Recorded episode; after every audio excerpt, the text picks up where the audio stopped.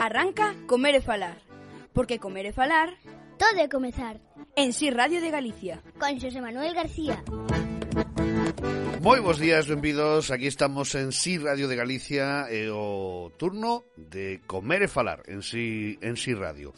O se falamos de gastronomía eh, como cada domingo, eh, e o facemos falando dun recetario, dun recetario que pon en marcha eh, por eh, na súa 17 edición o recetario a bordo da, a bordo de Pereira Produtos do Mar. Este ano dedicado ademais a Emilia Pardo Bazán. Isto nos, nos valde, valerá para falar, en primeiro lugar, con Rui Andrade, o director de comunicación de Pereira, pero tamén con dous restaurantes moi interesantes. Matices, en Moaña con eh, Carla falaremos e os amigos da Xanela Gastronómica eh, Víctor e Gelón en Ponteareas. E hoxe tamén recuperamos a nosa sección de Polo Mundo Adiante con noso querido Emilio Vila de Cocina and Go, que nos leva nada máis nada menos que ata Noruega, de novo, a un restaurante no que un galego conseguiu en oito meses ser recomendado xa como Picurman na guía Michelin e que promete moito. Pois contaremos todas estas historias hoxe aquí no Comer e Falar, así que toca poñerse cómodos e cómodas porque comezamos. Música Estás escoitando Comer e Falar, o mellor da gastronomía de Galicia en Si sí Radio.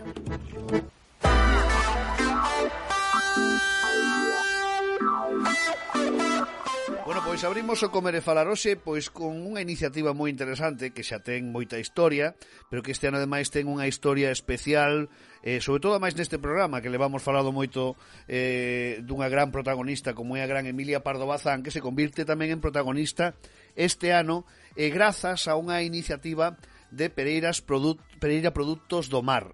Eh, temos connosco a Rui Andrade, que é precisamente o director de comunicación. Rui, como estamos?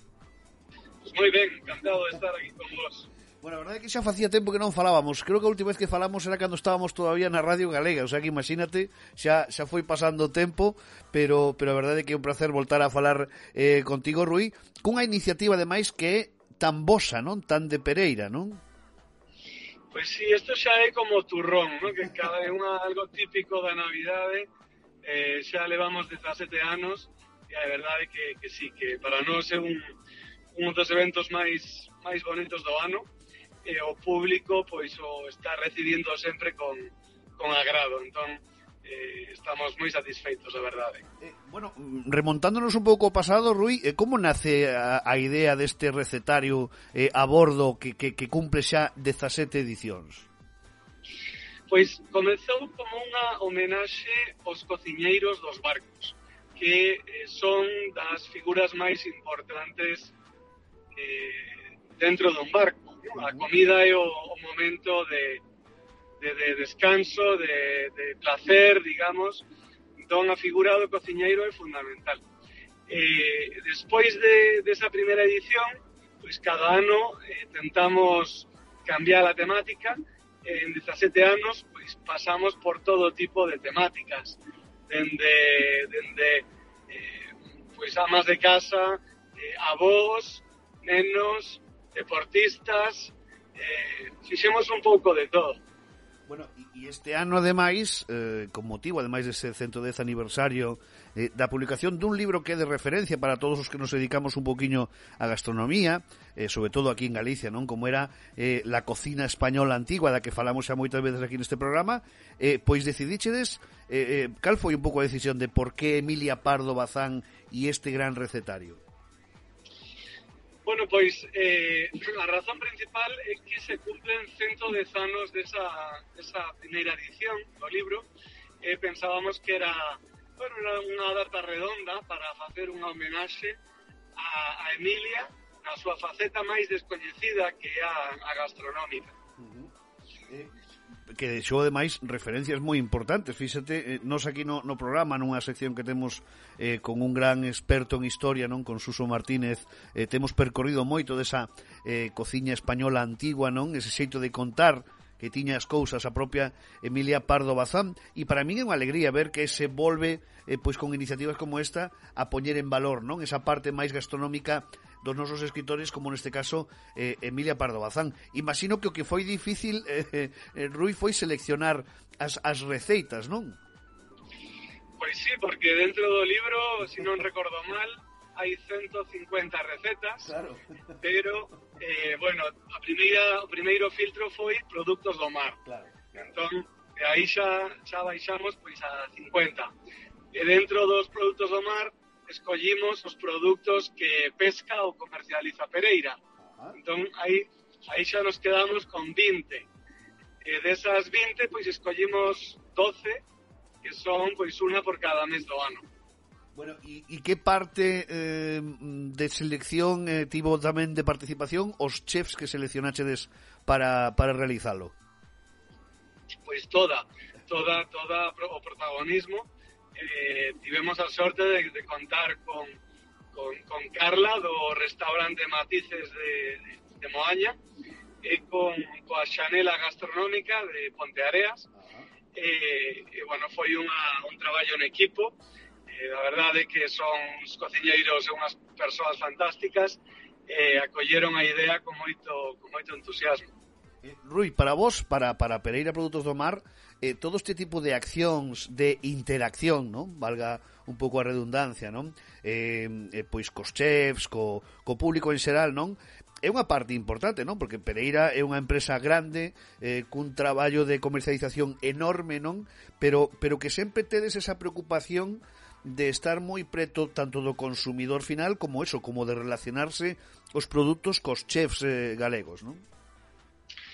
Pois sí, a verdade é que, que bueno, aparte, isto englobamos dentro da responsabilidade social corporativa, porque é un recetario que non se vende, que se regala, que se difunde gratuitamente, e es que estamos obsesionados con preservar o patrimonio gastronómico galego. As recetas, se non se poñen por escrito, se perden. E, e Galicia é unha potencia gastronómica e, e temos a obsesión de, de preservala e de, que, e de difundila. Entón, eh, e bueno, eh, os mellores embaixadores que temos pois son os, os cociñeiros de galegos. Efectivamente. Eso é, é máis o noso produto, bueno, a combinación é, é sen dúbida é, é perfecta. Quero aproveitar un eh, que, quero aproveitar Rui eh, eh, porque bueno, eh, Eh, levamos tres anos de, de tolos para todos, tres anos de, de verdadeiro eh, desquicio en moitos momentos, non? E, e eu sempre tive a dúbida de como eh, foi para as grandes empresas como no voso caso, non? Que traballabades con estos produtos do mar, eh, toda esta situación que, que nos tocou vivir nestos tres anos con infinidade de problemas, porque non deixaron de, de haber problemas, temos outros eh, que, que, que, que inciden moito non en xeral. Como vivichedes un pouco, como estades vivindo todo este proceso dende Pereira, como porque é un concepto tamén de sobrevivir as grandes empresas en todo isto, non? Pois pues mira, eh, eh, como, como, di, como din a xente do sector do, do mar e, eh, e da pesca, a xente que máis que ten máis anos, din que, que no noso sector vamos de crise en crise. Entón, como estamos estamos xa acostumados a, a vivir pois todo tipo de situacións, eh, efectivamente non, non é agradable, pero penso que somos resilientes, non? Esta palabra de, de moda agora. Sí. Eh, e bueno, ante o problema, solución, eh, efectivamente, levamos estos últimos anos encadenadas varias, no, a pandemia, o tema da guerra. Quizá, quizá se teño que elegir unha, unha das, das causas que máis dificultade tivo foi o tema da, das tripulacións dos barcos. Eh, cando, claro, cando non se podía, cando estaba medio mundo parado, a, o que os relevos, os relevos nos barcos foi complicado, non? traer a, a tripulación dende outro parte do mundo ata España, cos aeroportos fechados, coas fronteras pechadas, foi realmente complicado. E, e houbo tripulacións que tiveron que encadenar dúas mareas seguidas con, bueno, coa dificultade que ten eso para eles e para as súas familias. Me imagino, e por eso me parecía importante tamén un pouco que, que a xente sepa que que co, como se sufren todos os aspectos, non? Nunha gran empresa máis como Pereira na que eh, o traballo no mar é fundamental, pois mira, estás dando un dato que xente millón non nos paramos a pensar, non? Esos relevos, esa xente que non podía non se podía conseguir tripulación suficiente.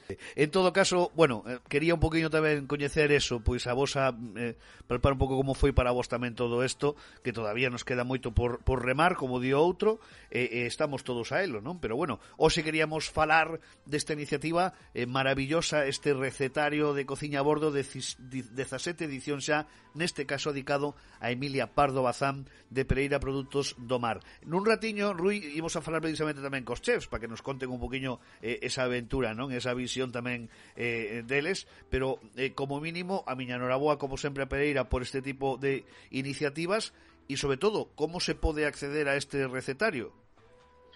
Pois, alegrome que me fagas esta pregunta. Eh, para, para os os oyentes que, que, este, que vivan en Vigo, pois nas, nas tendas de Pereira, eh, as dúas tendas que temos, e para o resto na, na, na página web pereira.es barra recetarios. Pois eh, to... Descargar gratuitamente. Descargalo aí está gratuitamente. Tomade boa nota, recordaremos ao longo do, do programa de hoxe. Eh, querido Rui, eh, insisto, noraboa por esta e outras moitas iniciativas que sempre fai Pereira e agradecido de que estés no Comer e Falar, que espero que se volva a repetir pronto. Pois pues moitas gracias e eh, será un placer volver a falar contigo. Pois unha aperta enorme, Rui, moitísimas grazas. Outra. Porque comer e falar, todo é comezar. Con Xosé Manuel García.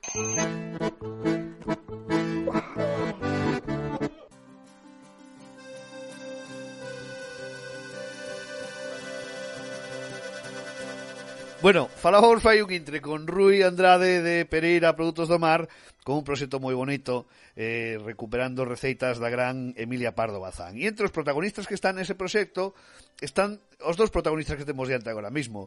Gelo e Víctor, Víctor e Gelo a Xanela Gastronómica. Como estamos, compañeiros? Boa tarde. Bueno, agradezco vos este ratiño porque sei que estades en plena faena. Eh, claro, imaginadevos, nestas datas nas que estamos xa sei que isto é difícil. Antes de nada, quero darvos a noraboa porque eh, xa hai un bicurmán en Ponteareas, non? Xa teñen, xa teñen o xa, xa teñen que xa teñen que volver polo menos a visitarnos a Ponteareas. bueno, imagino que foi unha grata noticia, non? Recibir esa noticia de que Oye, eh, se vos recoñeza dese xeito, imagino que é bonito, non? Sí, é bonito porque non, eh, non o esperábamos para nada. Non contábades con elo para nada, non? Para nada, ainda a día de hoxe ainda estamos eh... flipando. bueno, é que, é que para min, eu vos lo digo de corazón, eh, porque vos sigo fai moito tempo, Gelo sí que xa teño a oportunidade de, ver, de ternos visto máis máis ocasións, non? Poucas, é certo, pero xa nos temos visto máis ocasións, non? Pero sempre vos seguín e, se, e sempre eh, estive moi pendiente de todo o que facíades, non? E, e ademais eu creo que ten un mérito enorme, non? Porque apostades por un proxecto aí nesa terra en Pontareas, non? Que lonxe un pouco desas grandes cidades, deses, deses centros eh, neurálxicos de, da gastronomía, non? Donde este, esa gastronomía de pompa e boato que temos, non? ten que ser un subidón decir, non seguimos apostando por estar aquí por facer isto e que o recoñezan, non? Sí, eh, vamos a ver, sabes o, o que pasa? Que non non se somos fieis a, ao que facemos que a xente co que a facemos sabemos quen ven a diario e que nos dá de comer e non pretendemos nin buscamos para nada iso. Claro. Que igual mm, son así un pouco tópico e tal, pero non o, non o buscamos, non o pretendemos, temos proxectos de futuro, Víctor e eu temos falado, sabemos que ao mellor buscar outro tipo de, de galardón ou de premio pois podíamos ao mellor buscalo, pero xa tería que ser non podría ser aquí, neste restaurante, porque non reúne condicións, non ten o encanto que debería ter. E, e sabemos o que, o que se necesita para iso, pero sería noutro, noutro, bueno, noutro enclave, por así decirlo. Temos, temos un proxecto aí a corto plazo que que, que sí, que podíamos pretender facelo, pero ahora mismo non, non é iso, ni, ni ni o que decía Víctor antes, o sea, hoxe en día ainda non non non non non sabemos porque non tratamos de chegou por por chegar, sabes? Chegou por chegar. Nos estamos mirando a gala, estábamos mirando a gala e cando e cando rematou, escribiume Víctor e e mo comentou, mira, mira o WhatsApp que che mandei e tampouco creíamos porque non era o que non, non aspirábamos a iso, sabes? Estábamos sí, dentro, sí, sí. sí, hai dos anos que estábamos dentro da guía e gracias. Bueno, o que sí é certo, temos xa, podemos dar un titular, o sea, hai en previsión un, un proxecto futuro de Asanela Gastronómica. Sí, iso, iso seguro. Bueno, pois pues, xa temos un titular desta entrevista, eh? Posible proxecto futuro da senela gastronómica. En todo caso, levades xa aí canto, rapaces? Pois pues vamos para pa oito anos, vamos a facer ahora en xuño. Oito anos. Oito anos ca que nos veu en riba, eh? Que non son oito anos calqueiras, non? Dous anos de pandemia. de, esta, esta crisis de guerra de, son de oito anos eh, catro ou tres bastante fodidos Fíxate ti, estamos falando de un bigurmán, pero habería que plantearse todo o que hai detrás, non? O sea, oito anos con estos anos duros que me imagino que vos pasaría pola cabeza centos de cousas e centos de decisións e aí seguides, non?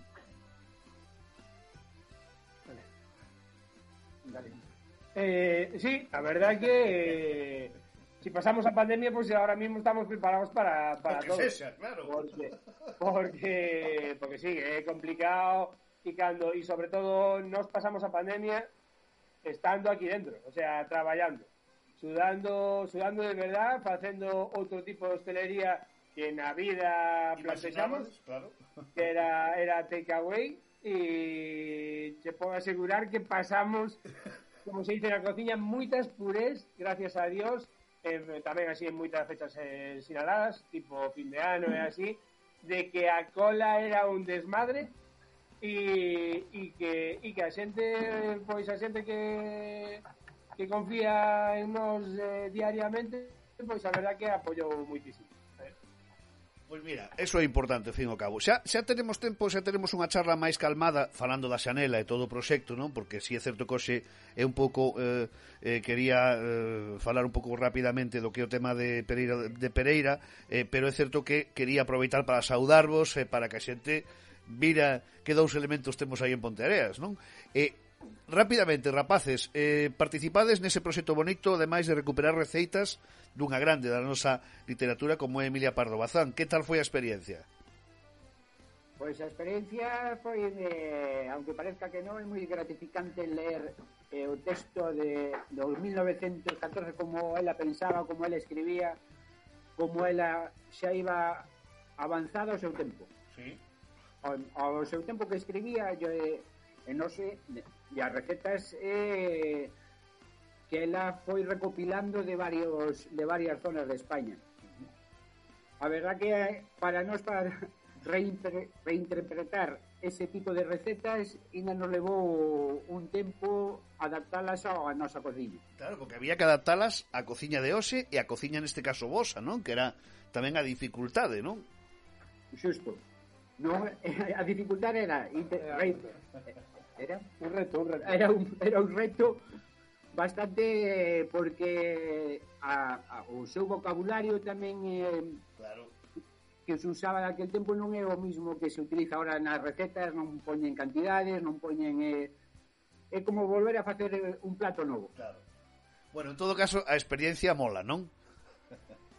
Sí, estuvo ben, estuvo ben. Sacamos eh, seis recetas de, de de que en da hora pues, nos noso degustación estamos metendo, estamos las usando. Ostra, que ben. Oye, pois mira, tomade nota porque na senela gastronómica desas receitas do, do recetario a bordo de Pereira do Mar, Pereira Produtos do Mar, tedes algunha desas receitas que fixeron eh, Gelo e Víctor para ese recetario. Oye, rapaces, emplazo vos a que teñamos unha charla con máis calma e en persoa. Vos parece? Será un placer. Oye, antes de que vos metades da merda, como se sole decir, eh, deixo vos traballar unha aperta moi grande de verdade e un verdadeiro placer tervos no programa, de verdade. Gracias, José. Venga, gracias. Chao, rapaces. Chao. Anubia, canubia, canubia, non chove, Estás escoitando Comer e Falar, o mellor da gastronomía de Galicia en Sí Radio. Bueno, pois abríamos o programa falando con Rui Andrade, eh, o director de comunicación de Pereira, sobre ese bonito proxecto eh, de facer un recetario adicado a unha grande da nosa, da nosa literatura e da nosa historia en Galicia, non? Eh, gran Emilia Pardo Bazán, ca que temos, como decía na entrevista de Rui, falado moitas veces, precisamente con o noso experto en historia, o noso querido Suso Martínez. E diti que ademais nos permite este proxecto eh, achegarnos un pouco máis a, eh, xente que está participando no proxecto e tamén a coñecer un poquinho a súa historia. Imos ir a dous lugares da provincia de Pontevedra. Un, o primeiro, que estamos agora mesmo, que é Moaña, despois iremos a Ponteareas. Pero estamos en Moaña para charlar un ratiño con Carla Álvarez. Carla, como estás? Hola, boa tarde, como estás?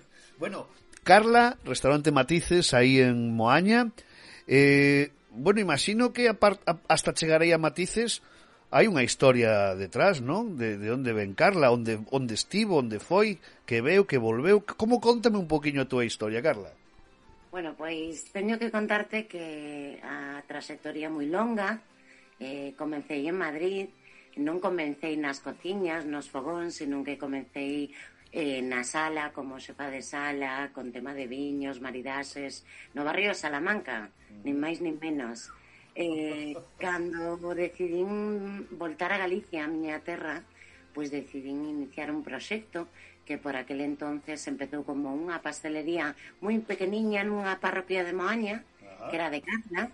Eh, aí comecei, pois os meus rapaces eran ben pequeniños, un tiña dous anos e outro tiña un aniño, niño, e dixen, bueno, eu quero seguir un pouco co mundo da hostelería, pero tamén é certo eh, que o que necesitaba pois era seguir eh, un pouco na línea na que estaba en Madrid. Ajá.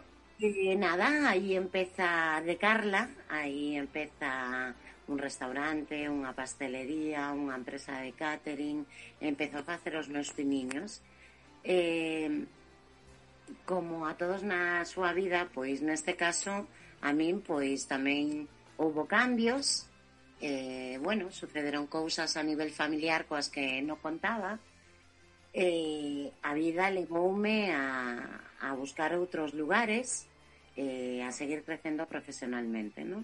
Hubo, pois, eh, neste caso, un alonxamento a tema familiar co papá dos meus fillos, eh, tomé la decisión de irme a las Américas. Sí, ni a, más ni menos. A todas Américas, bueno. Eh, eh a todas Américas. Eh, o sea, LOL, LOL fuches, ¿eh? Sí, eh, fixen como fixeron por aquel entonces os nosos pais ou os nosos avós. Eh, o primeiro sitio onde desembarquei foi en Colombia, eh, con unha empresa hotelera moi recoñecida a nivel mundial, E despois Perú, Chile, Isla Margarita, diferentes sitios dentro un pouco da mesma, da mesma cadena hotelera. Eh, e o que facía, pois, era, eh, nese caso, formar a xente en cociña, crear platos de co cociña de autor e con cociña fusión. Eh, e aí foi onde empecé a botar de menos a nosa cociña. Aí foi onde empecé a botala de menos. Eh, tocoume estar en sitios pois eh, non só en Latinoamérica, sino en Nova York, en Connecticut, en Boston, Filadelfia. Eh, aprendes moitas cousas, eh, aprendes a coñecer moito a, a cultura dos povos a través da gastronomía, pero, bueno, tiña aí esa, esa espiña de que quería voltar a raíces, voltar a traición, pero con un pouco de locura. E aquí estou, dende o ano pasado, dende o 2021, aquí estou outra vez en Moaña. Uf, pero aparte estiveches en lugares nos que me imagino que te atopaches unha cociña completamente distinta, casi diría que en algúns casos oposta, o que é a nosa cociña, non? Exacto. Sí que é verdade que, que na cociña latinoamericana ahí donde buscas siempre hay eh, esa esa influencia de dos españoles da colonización, dos galegos, que ti sabes que estamos en sí, todas partes. En todas partes. Eh, Era curioso para mí, porque eu recordo eh, os comenzos en, en Lima, en Perú, en mercados impresionantes, onde ibas a comer, eh, se dicían, tens que probar un mondonguito. Digo, que será un mondonguito, porque pensamos que todos falamos o mismo español, pero daste conta cando chegas a países pois como Perú, Colombia e así, que a terminoloxía é diferente, sobre todo en cociña, non? Claro. E resulta que un mondonguito eran os callos. Os Digo, callos, claro. Digo, que, si, si estos son os callos que facemos nós, solle falta poñerlle os garbanzos. Eh, daste conta de que realmente eh, a nosa cociña viaxou por todo o mundo. Claro. En Latinoamérica está super presente. Pero sí que é verdade que empezas a coñecer certos produtos que que un, nunca nunca miraran nas cociñas en España esa con unha trayectoria importante e dicía, pero en serio? Si, si practicabas, eh, e si lías eh, e, e si facías, pero mm, produtos que nunca na miña imaginación eh, pensei en poñer un plato, non? É, é, é curioso porque uh, eh, eh, fai eh, unha das cousas que máis me gusta eh, de, deste mundillo tamén é un pouco a historia da gastronomía, non? E a historia dos produtos e todo isto, non? E, e é certo que en Galicia eh, eh, si se descubriu que chegou a haber elementos, incluso se chegaron a cultivar mm, algunhas cousas de horta que viñan de Sudamérica, pero que des desapareceron co tempo, non? O sea, que foron que se tiveron e que se deixaron de consumir, non? E deixaron de, de cultivar, pero e, e, eu tive a oportunidade de fai uns anos de viaxar a, a zona da Patagonia de, de Chile con Argentina, na zona toda andina, non? Ese, ese punto de Pucón, eh, Villarrica, etcétera, etcétera, non? E me atopei, sobre todo na cultura mapuche, eu sempre digo moito no programa, pero que me deixou fascinado, non? Eh, a cultura mapuche, o seu amor pola terra, non? O, o valor de todo o que dá a terra, non? E me atopei tremendos paralelismos de cousas que de xeito tradicional houbo en Galicia e xa non hai moitos casos, non?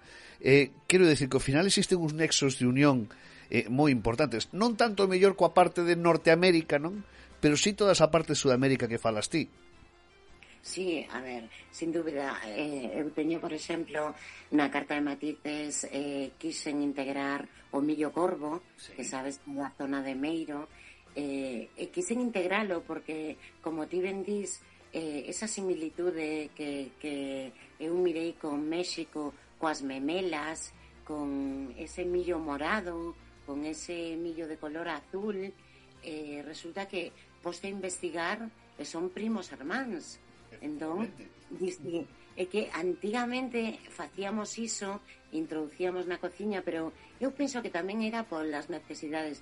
Eh, onte, precisamente, limpiando uns polvos, polvos daqui, de, da parte de Bueu, pois unha das persoas de cociña decíame a quen se lle ocorrería en que momento sí. coller un polvo?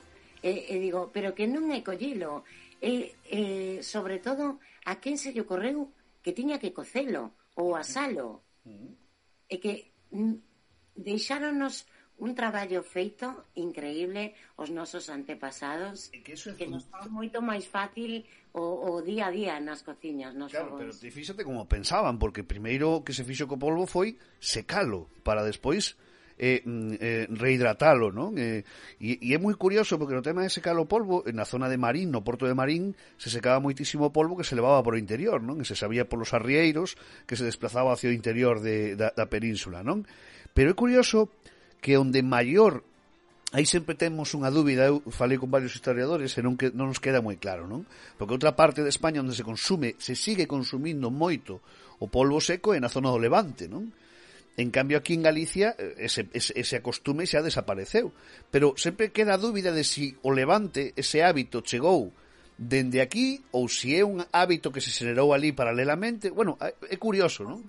Vouche contar cando un pouco antes de irme esta última vez, no 2019, estuve facendo eh, fichas técnicas e algúns pratos para, para unha naviera de aquí de, de Moaña.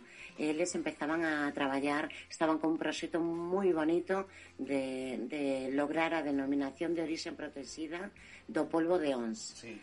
E, e bueno, ali me vin facendo investigacións, eh, resulta que na illa de Ons aí todavía se conservan eses secaderos antigos onde o polvo se secaba, no? E falando con un amigo chef da zona de Málaga, eh, conteille, non? Porque, digo, oh, estou facendo investigacións, estou secando o polvo, estou intentando rescatar unha receta pois moi antigua da, da cocina galega co polvo. El decíame, foi moi curioso, sorprendeume, que eles en, na zona onde ele está, Ajá. que o polvo seco eh, se consumía moitísimo nos partidos, que o poñían como se foran pipas. Ostras. o polvo seco é, é que me resultou moi gracioso.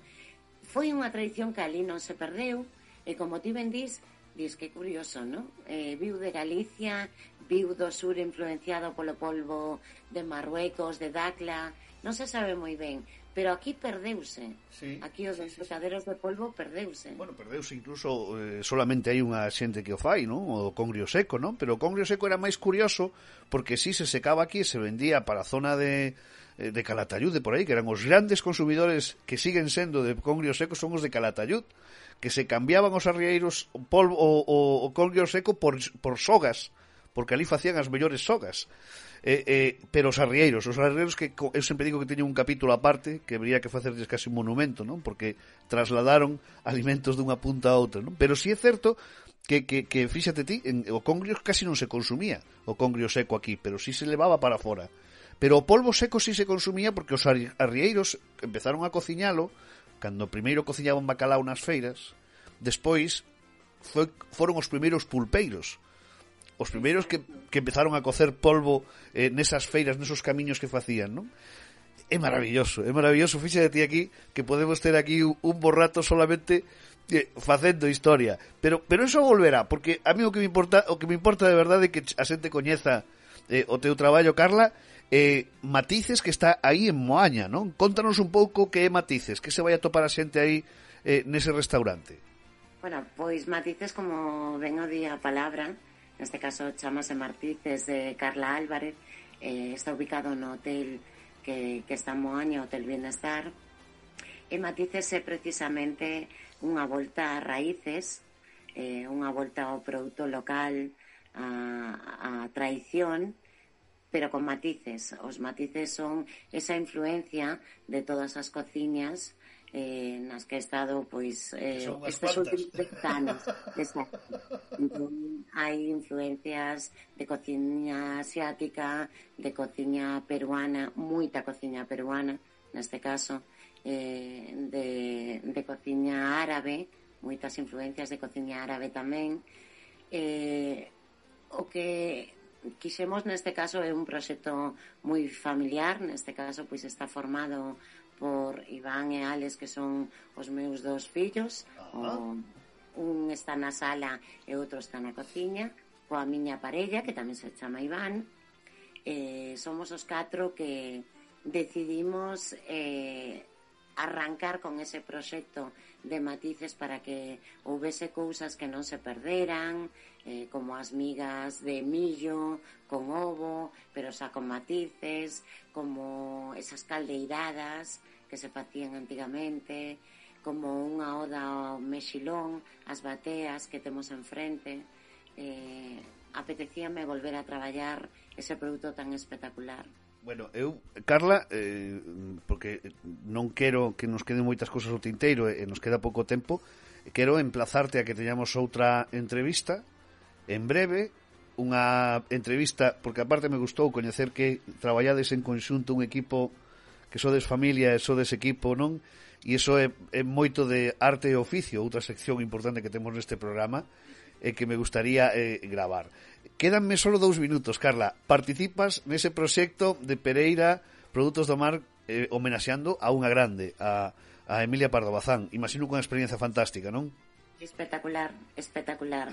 Nunca imaginei, de verdade, cando mo propuseron, eh, emocionoume moito porque eu estudiei literatura e Emilia Pardo Bazán para min era, imagínate, unha muller, unha muller naquela época tan adiantada a todos os eh, para min un referente, sin dúbida. Eh, descoñecía ese amor que la tiña polos fogóns e pola cociña. E cando me propuxeron, dixen, bueno, pois, eh, será fácil. E o primeiro que fixen o día seguinte foi pedirle a miña parella que me comprase o libro. E cando comencé a leelo, digo, mm, temos traballo, hai traballo. Pensei que era algo moi sinxelo e eh, dime conta de que había traballo. Para min ha sido un honor, un placer eh, para unha empresa como Pereira, sobre todo porque está mm, facendo algo maravilloso, eh, sobre todo pola gastronomía e polo produto que temos. Eh, e desde logo, pois facer as recetas de Emilia Pardo Bazán, imagínate, imagínate. Que imos a contar? Querida Carla, grazas por estar no Comer e Falar e grazas porque nos abres a porta a ter unha charla máis tranquila, máis distendida de moitas cousas. Grazas de verdade por estar no programa e un verdadeiro placer. Gracias a vos, un placer para min tamén. Boa aí, semana. aí o tedes Carla Álvarez, restaurante Matices en Moaña.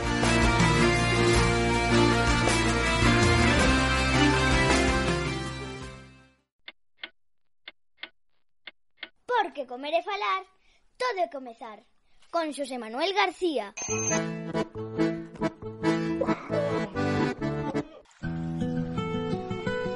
Bueno, pois eh, seguimos no comer e falar eh, contando historias. Bueno, a verdade é que hoxe levamos un programa máis viaxeiro do, do, do previsto, non? Xa con nosos primeiros invitados.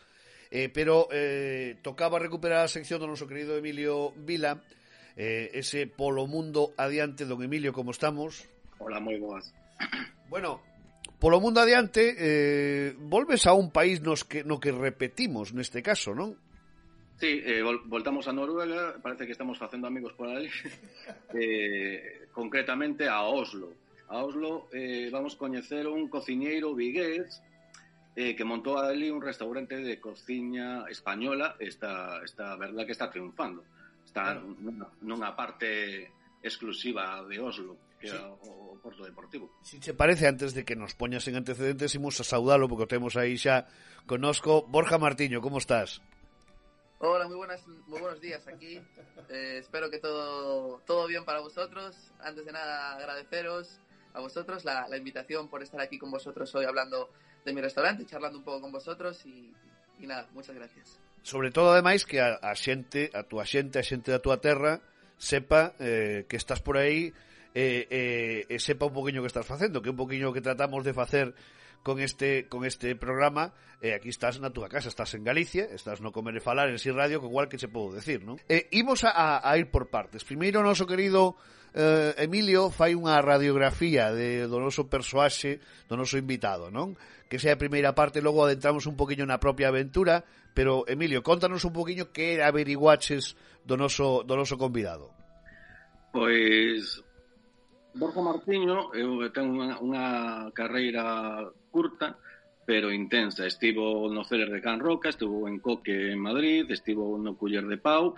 Eh, en dez anos estivo en todos esos sitios, foi, foi a Oslo, montou o restaurante, en oito meses eh, conseguiu que a, eh, a Guía Michelin o recomende na súa, nas súas edicións e a revista Diners Dinner Booking, Dinner Booking. o considera en 2022 eh, o mellor restaurante de Noruega, non? Non é así, Borja? Eso es, eso es. Sí, la verdad es que te veo bien informado, te veo bien informado. La verdad es que mm, más o menos ha sido mi trayectoria. Diez añitos llevo trabajando aquí en el gremio, diez añitos llevo sacando eh, comida de restaurantes, ¿no?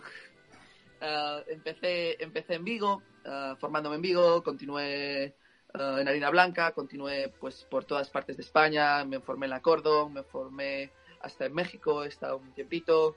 am, me formé también en Barcelona, en Madrid, y estuve, bueno, pues por diferentes restaurantes, ya sea Disfrutar, que ahora mismo creo que es el segundo restaurante mejor del mundo, estuve en el Seller de Can Roca, que es el mejor restaurante del mundo, estuve ah, en Culler de Pau haciendo unas- un stage, un stage en el Culler de Pau, donde eh, le mando un beso bien fuerte desde aquí a Javier Olleros, un gran amigo mío. Am, también estuve en Coque, Madrid, es un dos estrellas, un restaurante que cocina pura alma española y es muy complicado, ot- otra vez volvemos al handicap, de conseguir, de, de, mm, cocinar con alma española, quizás sea muy complicado conseguir determinadas premios o yo creo que es un poco porque la cocina española todos la tenemos interiorizada dentro entonces cuando te sirven determinados platos como ya sea un rabo de toro ya sea eh, pues eh, un guiso de patata pues ya sea un marmitaco todo el mundo nadie le da valor a eso o sea nosotros no le damos mucho valor porque es algo con lo que nos hemos criado es algo con lo que nuestra madre nos ha cocinado entonces tú dices realmente esto lo es lo que mi madre me ha hecho toda mi vida porque este hombre haciendo esto tiene dos estrellas y mi madre no entonces quizás todo el mundo nos planteamos un poco esa situación entonces quizás cocinar cocina mm, española ah, tradicional quizás sea más complicado y un hándicap adicional a cualquier gastronómico dentro. Si luego trabajas con la creatividad, la creatividad es algo que, por ejemplo, a Michelin o a los críticos, es algo que, como se suele decir, se la pone dura, ¿no? Hablando mal, rápido, ¿no? Pero para que todo el mundo nos entendamos, ¿eh? quizás esto sea algo que, eh, que a los críticos pues les gusta, la creatividad, lo diferente, salirte de los patrones. Eso es algo, por ejemplo, con lo que David Muñoz en Diverso ha conseguido y por eso es el mejor cocinero del mundo, porque él es pura creatividad, él mezcla cosas que jamás habías probado y lo hace muy bien.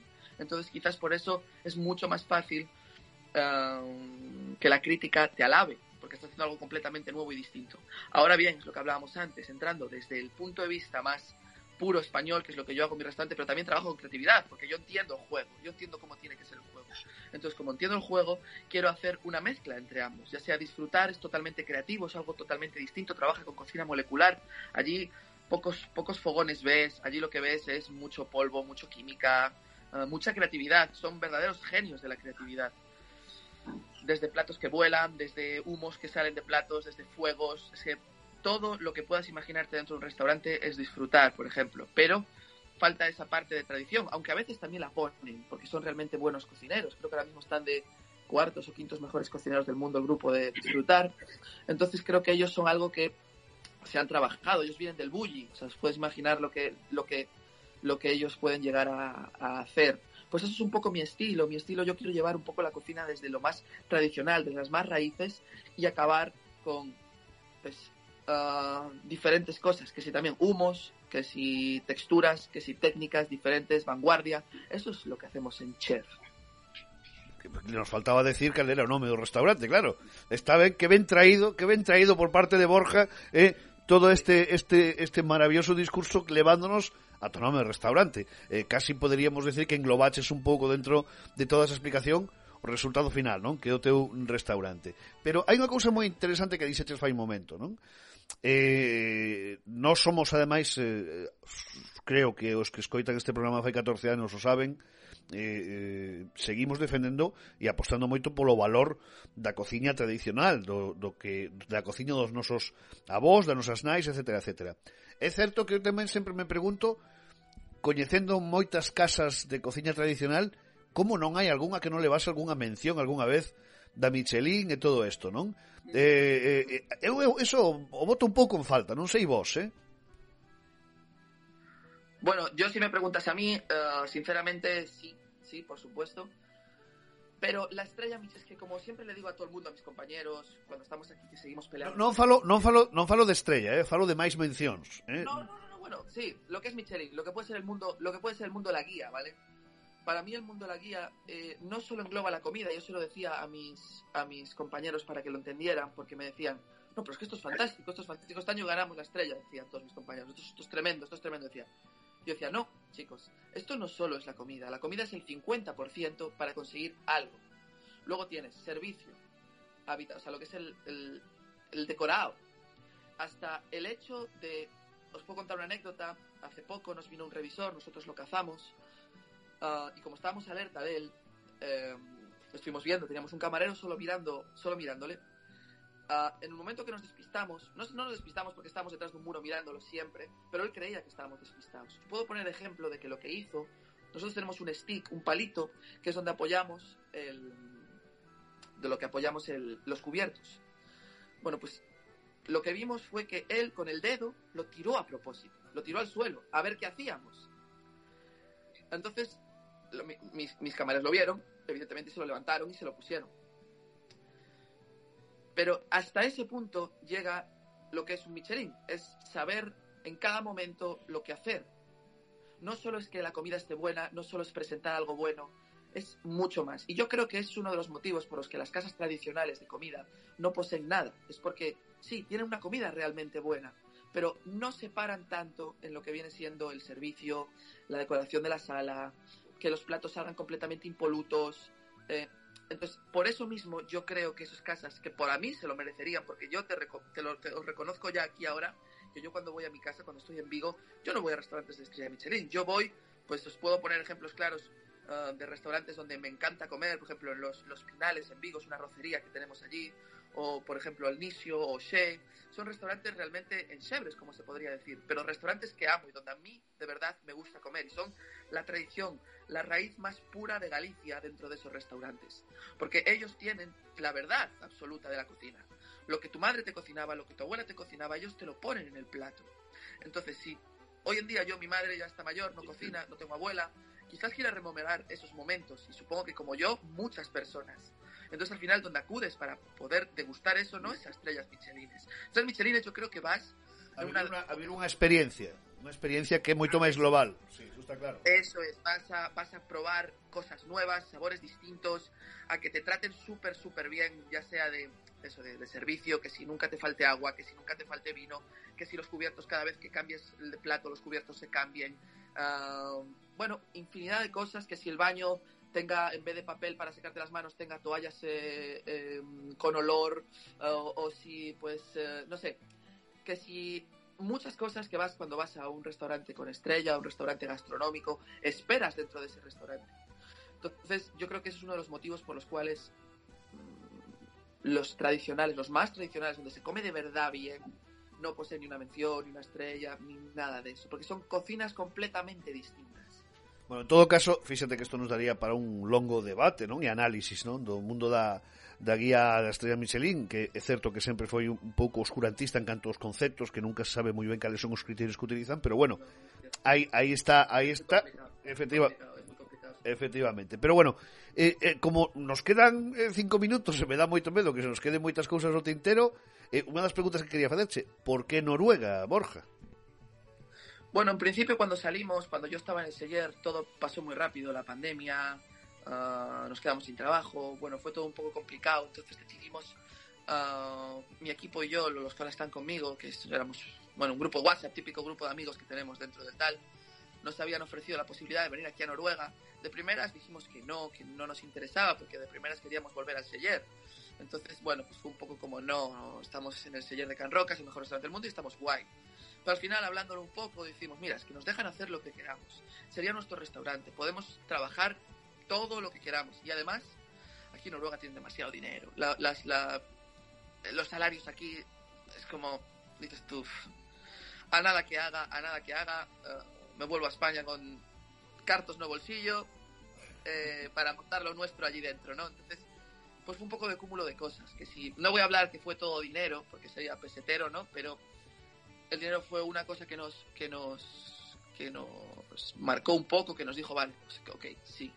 Y luego, pues el proyecto era realmente interesante, porque abrir un gastronómico español en el corazón de Oslo era algo que nadie había hecho, algo que si te informas nadie había hecho. Y además peleando por la Michelin, peleando por lo que te digo, de mejor restaurante Noruega 2022, todas esas cosas vinieron luego, pero de primeras, bueno, la idea era em, conseguir todas estas cosas. O sea, nunca, nunca nos planteamos no luchar por todo, ¿sabes?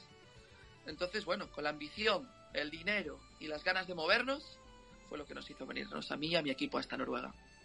E estás feliz, non? Imagino.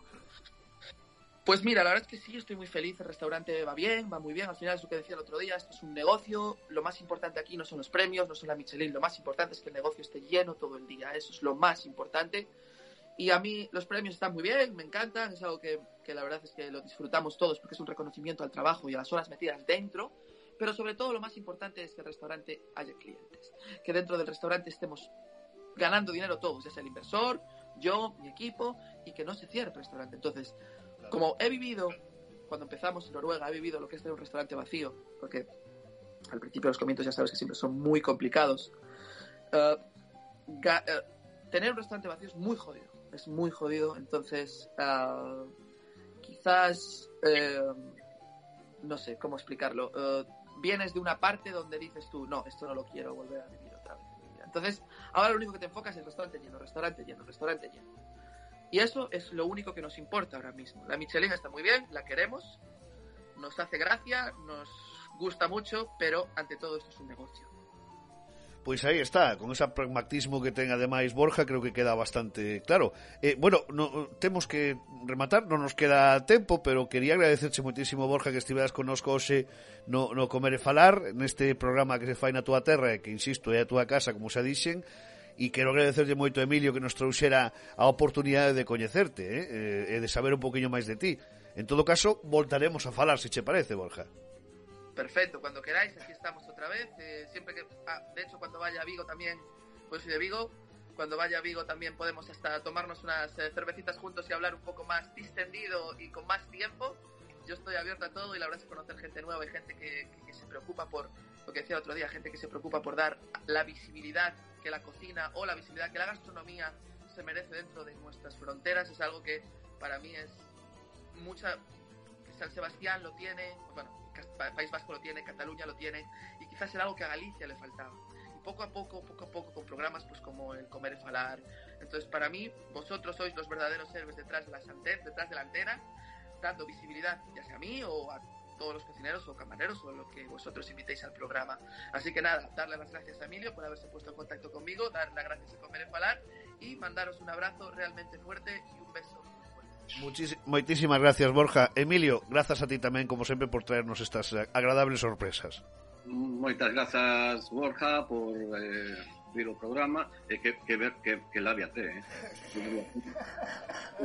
Convertidos de, bueno, es algo, es algo que no sabe mucha gente, es algo que no sabe mucha gente. Yo trabajé en la radio durante muchos años. Ah, amigo Amigo.